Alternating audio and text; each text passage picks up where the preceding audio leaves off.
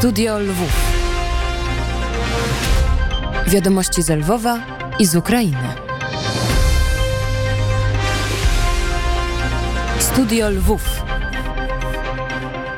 Studio Lwów, jak zawsze o tej porze w środę mówi Wojciech Jankowski, chociaż e, zdaje się nie jestem kluczową osobą w tej audycji, bo fundamentem i kotwicą i lwowianinem z dziada pradziada jest Artur Żak, który z pewnością jest po drugiej stronie magicznego urządzenia. Arturze, jak y, ostatnia noc w Lwowie, jaka pogoda, bo w Warszawie znowu zrobiło się na szczęście ładnie. Dzień dobry Wojciechu, kłaniam się nisko z Lwowa. E, Pogoda na szczęście się trochę wypogodziło. Przez ostatnie półtora dnia w Lwowie lało jak z cebra. Pogody, temperatury spadły praktycznie do 15 stopni Celsjusza, ale dzisiaj już jest trochę lepiej. Trochę się wypogodziło, jest trochę cieplej, więc e, myślę, że buźki wszystkich lwowiaków, czy też lwowianinów, lwo, lwowiaczek e, i lwowianek się teraz cieszą. E, Jak zwykle mamy dla naszych słuchaczy garść e, informacji przygotowanych przez Darię Hordijko. Rzeczy samej przygotowane w 532 dniu pełnoskalowej inwazji Rosji na Ukrainę. W Pokrowsku w obwodzie donieckim zakończono akcję ratunkową w pięciopiętrowym budynku uszkodzonym w wyniku ataku rakietowego, który nastąpił 7 sierpnia. Według najnowszych danych w wyniku tego ataku zginęło 9 osób, a 82 zostały ranne. Rano ukraińskie wojsko zestrzeliło kolejny rosyjski śmigłowiec. O tym informuje Sztab Generalny Sił Zbrojnych Ukrainy. Na dany moment typ helikoptera jest ustalany. Natomiast rosyjskie władze poinformowały, że rzekomo dwa ukraińskie drony bojowe zostały zestrzelone przy podlocie do Moskwy. Rosyjskie Ministerstwo Obrony twierdzi, że drony próbowały atakować obie- obiekty w obwodzie moskiewskim. Instytut Studiów nad Wojną zakłada, że siły zbrojne Ukrainy podjęły nową próbę zdobycia przyczółka na lewym brzegu obwodu hersońskiego. Według analityków Instytutu Ukraińskie wojsko prawdopodobnie przedarło się przez obronę w rejonie wioski Kozaci Łahiri i posunęło się na głębokość około 800 metrów. Belgijska i niemiecka prasa donosi, że niemiecki koncern wojskowy Rheinmetall kupił od belgijskiej firmy 50 starych czołgów Leopard 1. Około 30 z nich jest przeznaczonych dla Ukrainy. UNESCO zaleca wpisanie Soboru Sofijskiego w Kijowie, Ławry Kijowo-Peczerskiej i historycznego centrum Lwowa na listę światowego dziedzictwa w niebezpieczeństwie. Ostateczną decyzję w sprawie tych obiektów podejmuje Komitet Światowego Dziedzictwa UNESCO na wrześniowym posiedzeniu. I to były wszystkie wiadomości, które zebrała w 532 dniu pełnoskalowej rosyjskiej inwazji na Ukrainę Daria Hordijko. Myślę, że Wojciechu? UNESCO ma w pełni rację. Już widzieliśmy, właściwie słyszeliśmy w relacjach e, naszych korespondentów albo twoich, Arturze, o tym, jak e, zabytki na przykład w Odessie były niszczone w wyniku ostrzału. Ale może już zakończmy ten temat, przejdźmy do muzyki. Jak zwykle przygotowałeś a, jakieś ciekawe rzeczy muzyczne dla naszych słuchaczy. Tak, y, piosenka na wskroś lwowska, naszych przyjaciół z lwowskiego kabaretu, kabaretu artystycznego Czwarta Rano. Piosenka, która się nazywa Apostrofka do Hemara, a śpiewa tą piosenkę nasz przyjaciel, nasz kolega Wiktor Lafarowicz. Słowa, sło, sło- słowa tej piosenki, tego utworu poświęconego Hemarowi zostały napisane też przez naszego przyjaciela Sławomira Gowina, a muzykę napisał Stasiek Wielanek, więc lwowski kabaret artystyczny Czwarta Rano, apostrofka do Hemara.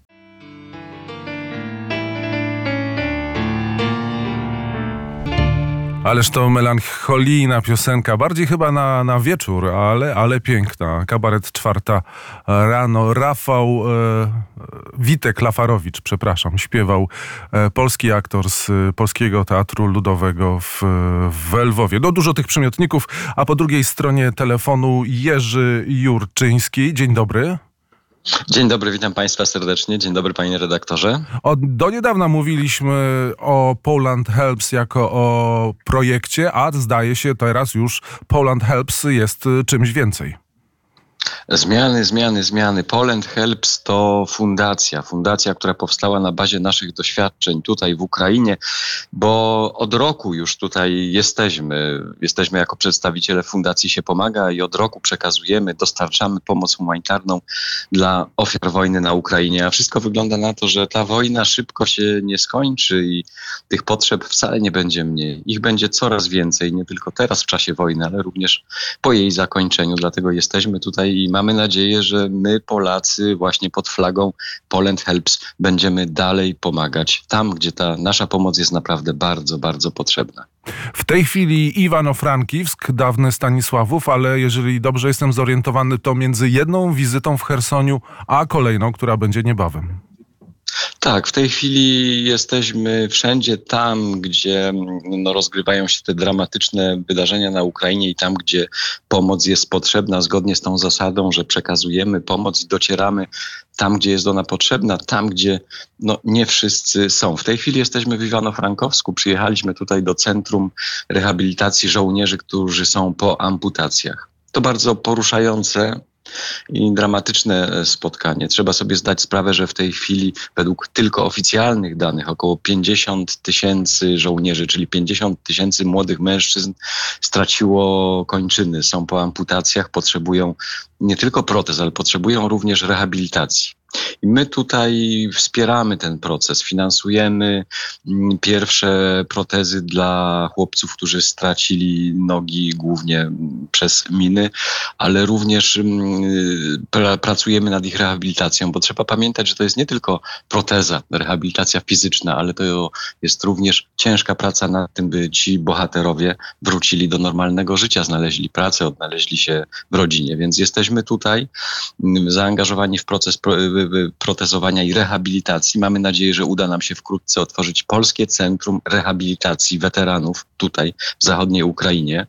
Więc serdecznie zapraszam no, wszystkie firmy, wszystkie osoby, które mogłyby nas tutaj wesprzeć. Prosimy o kontakt z Fundacją się pomaga, ale jesteśmy cały czas też i w Hersoniu, i w Charkowie razem z naszymi ukraińskimi partnerami. Za parę dni z powrotem wracamy do Hersonia. Tam sytuacja naprawdę jest dramatyczna. Tam trwa, o ile w zachodniej Ukrainie wszystko na pozór wygląda normalnie, to w Hersoniu jest po prostu regularna wojna. To jest miasto frontowe, codziennie ostrzeliwane i tam przekazujemy pomoc humanitarną do tych miejscowości, wsi nad Dnieprem i też jesteśmy zaangażowani, staramy się się jak najszybciej i jak najwięcej odbudować domów, dlatego że zbliża się zima i za chwilę będzie dramat. Ci ludzie w Hersoni nad Dnieprem no, żyją w warunkach wojny, bez prądu, bez wody, przeżyli potop, a w tej chwili znowu nadciąga zima. To jest kwestia tylko paru miesięcy i znowu będzie ta sama trudna sytuacja. Jesteśmy też również y, w obwodzie charkowskim, czyli na północy, gdzie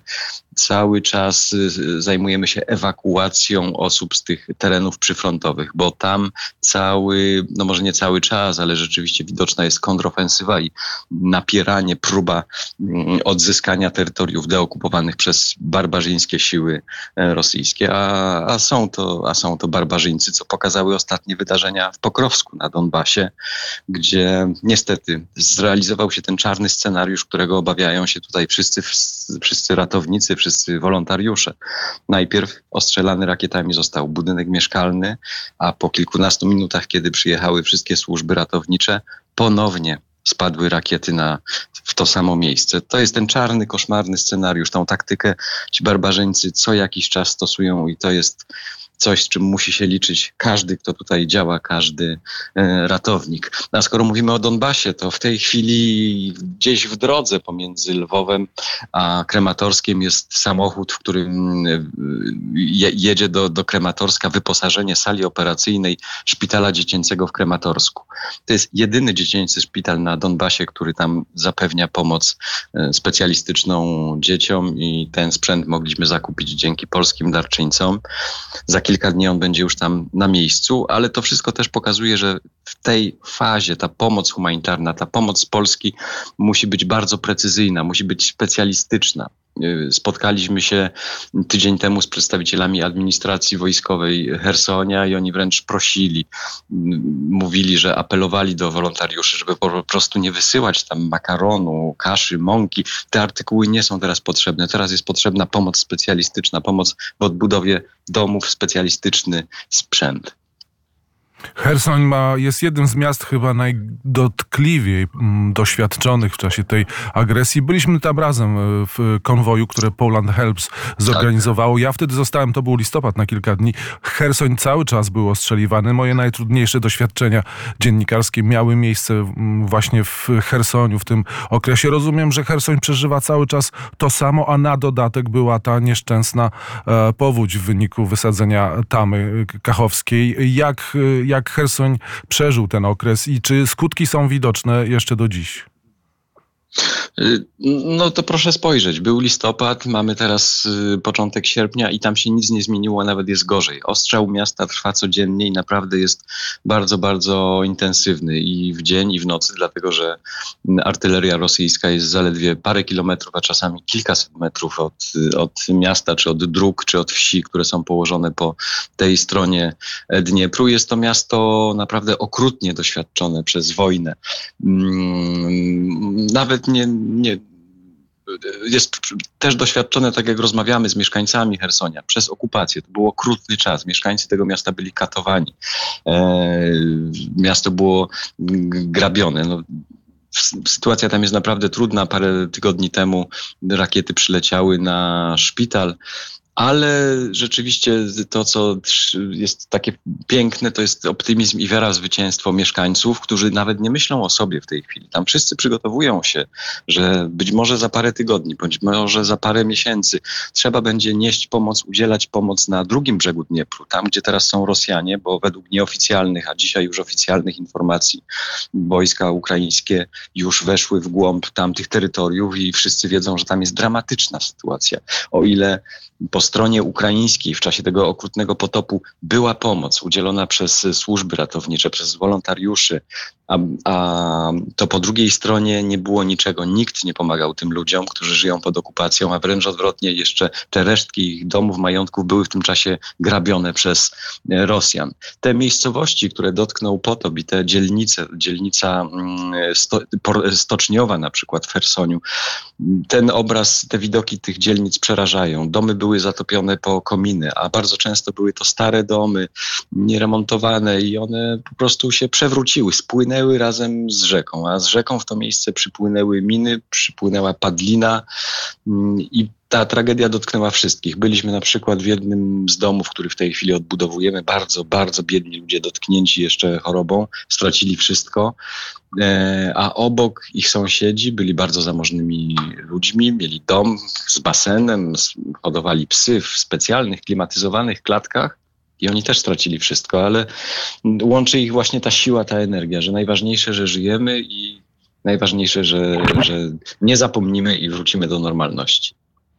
Wspomniał Pan o padlinie, która przypłynęła razem z, z tą wielką wodą. Były obawy i z, z, odnotowano zresztą e, bakterie czy przetrwalniki niebezpiecznych chorób, ale żadnej epidemii jak do tej pory e, chyba w, na tych terenach Hersońszczyzny nie, nie zanotowano. Miejmy nadzieję, że to zagrożenie już minęło, ale ono było realne. Kiedy byliśmy w Hersoniu kilka tygodni temu, to byliśmy przygotowani na to, że miasto w każdej chwili może zostać zamknięte, może być otoczone kordonem sanitarnym, czyli nikt do niego już nie wiedzie i nie wyjedzie, ale na szczęście ten czarny scenariusz się nie zrealizował. Jeśli chodzi o miasto, okazało się, że wodociągi hersońskie były bardzo dobrze przygotowane na taką sytuację i okazały się odporne na to zagrożenie zanieczyszczeniami z zewnątrz, więc w mieście jest e, e, woda i, i były oczywiście stwierdzono przypadki chorób zakaźnych. Pojawiły się podobno pierwsze przypadki cholery według nieoficjalnych informacji, ale wszystko to zostało opanowane. Oczywiście nie wiemy, co będzie dalej. Parę dni temu byliśmy w jednej z, z wiosek nad Dnieprem i to było naprawdę bardzo takie wzruszające, no poruszające kiedy spotkaliśmy kobietę, starszą kobietę, która pokazała nam swój dom, no, który przestał, nie nadaje się już do użytku, po prostu przestał istnieć, a ona na podwórku, na słońcu suszy książki i suszy w miskach cukier, cukier, który został zalany przez wody Dniepru, więc tam jeszcze wszystko może się zdarzyć i w tamtym rejonie Zaporoża, Hersońszczyzny, wszyscy cały czas pamiętają, że taką bombą z opóźnionym zapłonem cały czas jest mm, elektrownia Zaporożu. Wszyscy się obawiają, że może ona zostać przez Rosjan użyta jako broń, więc ta wojna naprawdę jest okrutna i jeszcze, jeszcze może mieć niejedno oblicze i wszyscy powinniśmy się angażować w pomoc dla ofiar wojny, dla Ukrainy, bo pamiętajmy, będę to zawsze powtarzał, że to jest nie tylko wojna Ukrainy, ale to jest wojna również nasza, wojna naszej cywilizacji. Naszej rozmowie przysłuchuje się kolega redakcyjny Artur Żak, który jest w tym samym mieście, też jest w Lwowie i Artur chciał zadać pytanie. Dzień dobry panie Jerzy. E, Tutaj pan opowiada o pomocy humanitarnej dla ludności na wschodzie Ukrainy, na południu. E, Państwa fundacja zajmuje się bardzo różnoraką pomocą, bo tak jak słyszeliśmy, to jest zarówno pomoc dla placówek medycznych, jak i bezpośrednia pomoc e, dla ludzi. Ale ja chciałem się powrócić do samego początku, do tych centrów rehabilitacyjnych. Po zakończonej wojnie, po wygranej Ukraina będzie potrzebowała takich centrów naprawdę dużo. Będzie wiele żołnierzy, którzy będą potrzebowali protezowania i rehabilitacji, już potrzebują. Jak wygląda tworzenie takiego centrum rehabilitacyjnego tutaj przez fundację, przez polską fundację tutaj na zachodzie Ukrainy? Czy są jakieś trudności? Czy władze lokalne współpracują z państwem? Czy ułatwiają działalność dla tych ludzi dobrej woli, którzy chcą stworzyć takie centrum? Dzień dobry, panie redaktorze. Jesteśmy zaangażowani w kilka takich projektów, bo najpierw może takie słowo wprowadzenia, bo rzeczywiście trzeba o tym mówić, że koniec tej wojny y, to będzie dopiero początek potężnych problemów, nie tylko ekonomicznych. To będą tysiące chłopców, którzy wrócą z wojny, będą potrzebowali pracy, będą potrzebowali adaptacji do normalności. Dlatego jesteśmy zaangażowani teraz y, w jeden z projektów, to jest Centrum Weterana w Charkowie. Centrum Weterana, w którym znajdą pomoc na przykład żołnierze, którzy mają problemy z narkotykami, z uzależnieniami albo mają mm, no, mm, jakieś problemy życiowe, że nie są w stanie wrócić do siebie do domu. Z drugiej strony tworzymy to centrum rehabilitacji dla amputowanych tutaj w zachodniej Ukrainie. Nie jest to łatwe, to o co pan pyta, to znaczy to, mm, ta współpraca nie jest łatwa, e, ale po roku obecności już tutaj rzeczywiście nam się to udaje i spotykamy się z życzliwością instytucji ukraińskich, zarówno wojskowych, y, jak i medycznych i zawsze działamy tutaj we współpracy z naszymi sprawdzonymi partnerami ukraińskimi. Tak jak Centrum Rehabilitacji tworzymy w oparciu o rehabilitantów ukraińskich, o ludzi, którzy mają takie doświadczenie, a my po prostu no, jakby przynosimy nowe standardy, przynosimy finanse i przynosimy też taką energię. Więc nie jest to łatwe, ale jest możliwe. Jest możliwe. Wspomniał Były, panu... tutaj do, do, mo, może jeszcze jedna rzecz, co było taką, taką barierą, mm, jeśli chodzi o pomoc. Dlatego, że y, nam się wydawało jeszcze w tamtym roku i wielu też organizacjom mm, czy ludziom, którzy chcą pomagać, się wydaje, że to jest takie proste, że aby udzielić pomoc, y, rehabilitację, to należy mm, tych pacjentów wywieźć y, do Polski, wywieźć do innych krajów, tam im pomagać. To jest możliwe, to jest konieczne, tylko w skrajnych i uzasadnionych medycznie przypadkach, dlatego że pamiętajmy, że to są cały czas e, żołnierze i dlatego musieliśmy zmienić filozofię i rzeczywiście, aby skutecznie pomagać, to tę rehabilitację, tę pomoc trzeba udzielać tutaj w Ukrainie. Padły słowa o uzależnieniach y, kombatantów, żołnierzy, którzy wrócili z frontu. Wydaje mi się, że to jest wielki problem, przed którym Ukraina jeszcze stanie, nie tylko same uzależnienia. Pamiętam, gdy zajmowałem się tym tematem, próbowałem znaleźć y, rozmówczynię o o tym, jak to jest, jak y, mąż jest na froncie, padło zdanie, które ta kobieta nie chciała dać wywiadu, udzielić wywiadu. Padło zdanie, które mnie przybiło. Co z tego, że oni przyjeżdżają żywi, że chodzą, jeżeli oni już przyjeżdżają martwi. Prawdopodobnie mamy przed sobą jeszcze wielkie problemy, problemy natury psychologicznej. To też jest wielkie pole do pracy teraz i podejrzewam w przyszłości. Oczywiście, że tak, skala tego pro- problemu będzie mm, potężna. E, To jest naprawdę bardzo trudna wojna. Ona, każdy, kto tam był, czy każdy, kto miał doświadczenia na innych współczesnych wojnach w Iraku czy w Afganistanie, potwierdza. To jest zupełnie inna wojna, której nie da się porównać. Skala jej okrucieństwa, barbarzyństwa i takich drastycznych warunków, jakie są tutaj na froncie, jest nieporównywalna do no, komfortowych tak można, można powiedzieć, relatywnie warunków na misjach w Afganistanie czy Iraku.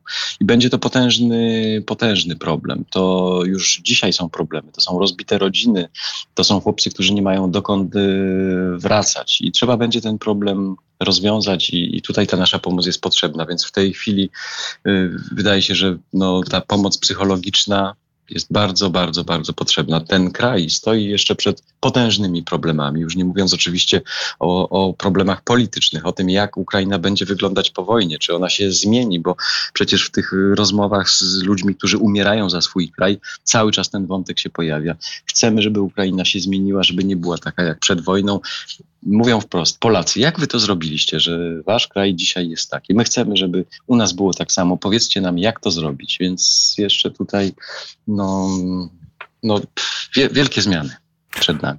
To prawda, ja często w rozmowach spotykałem się z tym, że wdzięczność po pierwsze do Polski, ale Polska też imponuje i to często właśnie bardziej nawet chyba na wschodzie Ukrainy niż e, na zachodzie. Nie mamy wiele czasu, a myślę, że bardzo już chyba 20 minut rozmawiamy, więc warto powiedzieć naszym słuchaczom, gdyby wsparli was, e, w jaki sposób mogą to zrobić.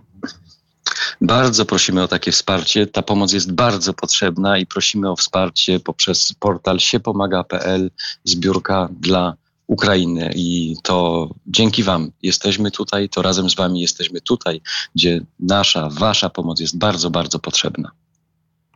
Także apelujemy i bardzo dziękujemy. Jerzy Jurczyński, fundacja już teraz. Poland Helps. Y, I pytanie, czy jest pan prezesem? Nie, nie, ja, ja jestem skromnym e, field force'em, skromnym człowiekiem pracy. A zatem trzymamy kciuki i niebawem w drogę do Hersonia, jeżeli dobrze zrozumiałem. Tak jest, tak jest. Dziękuję bardzo, dziękuję i serdecznie pozdrawiam. Proszę ukłonić się Lwowowi, chociaż Artur Żak, dziękujemy bardzo za rozmowę. To był Jerzy Jurczyński. Artur Żak cały czas jest y, w Lwowie i Arturze, no chyba już nie zdążymy mm, zaprezentować kolejnej y, piosenki. Będziemy powoli żegnać się z naszymi słuchaczami. A i tak dzisiaj muzycznie bardzo udana audycja, bo zaprezentowaliśmy apostrofkę e, dla Chemara w wykonaniu kabaretu, artystycznego kabaretu lwowskiego, artystycznego kabaretu Czwarta Rano, więc jestem usatysfakcjonowany. Mm, Piękna pieśń, bardzo melancholijna. Tak jak powiedziałem, bardziej na wieczór, ale być może kiedyś wieczorem też zaprezentujemy, bo przyznamy się Państwu, że od lat planujemy zrobić wspólną audycję muzyczną. Jak do tej pory nam się nie udało. Wojciech Jankowski żegna się z Państwem z Warszawy i Artur Żak żegna się z Lwowa i pozdrawia słuchacza Radia Wnet, który jest w Warszawie. Kłaniam, kłaniam się nisko z Lwowa. Pan Stanisław jest wierny, oddany i bardziej, tak jak już powiedziałem, niż niektórzy analitycy i specjaliści, którzy potrafią nie dotrzeć, to nasz wierny słuchacz zawsze jest przy telefonie chyba i nas y, słucha. Dominika Borcz realizowała audycję. Dziękuję Państwu za uwagę. Do usłyszenia. Jutro raport z Kijowa o tej samej porze. 9.30. Studio Lwów. Wiadomości z Lwowa i z Ukrainy. Studio Lwów.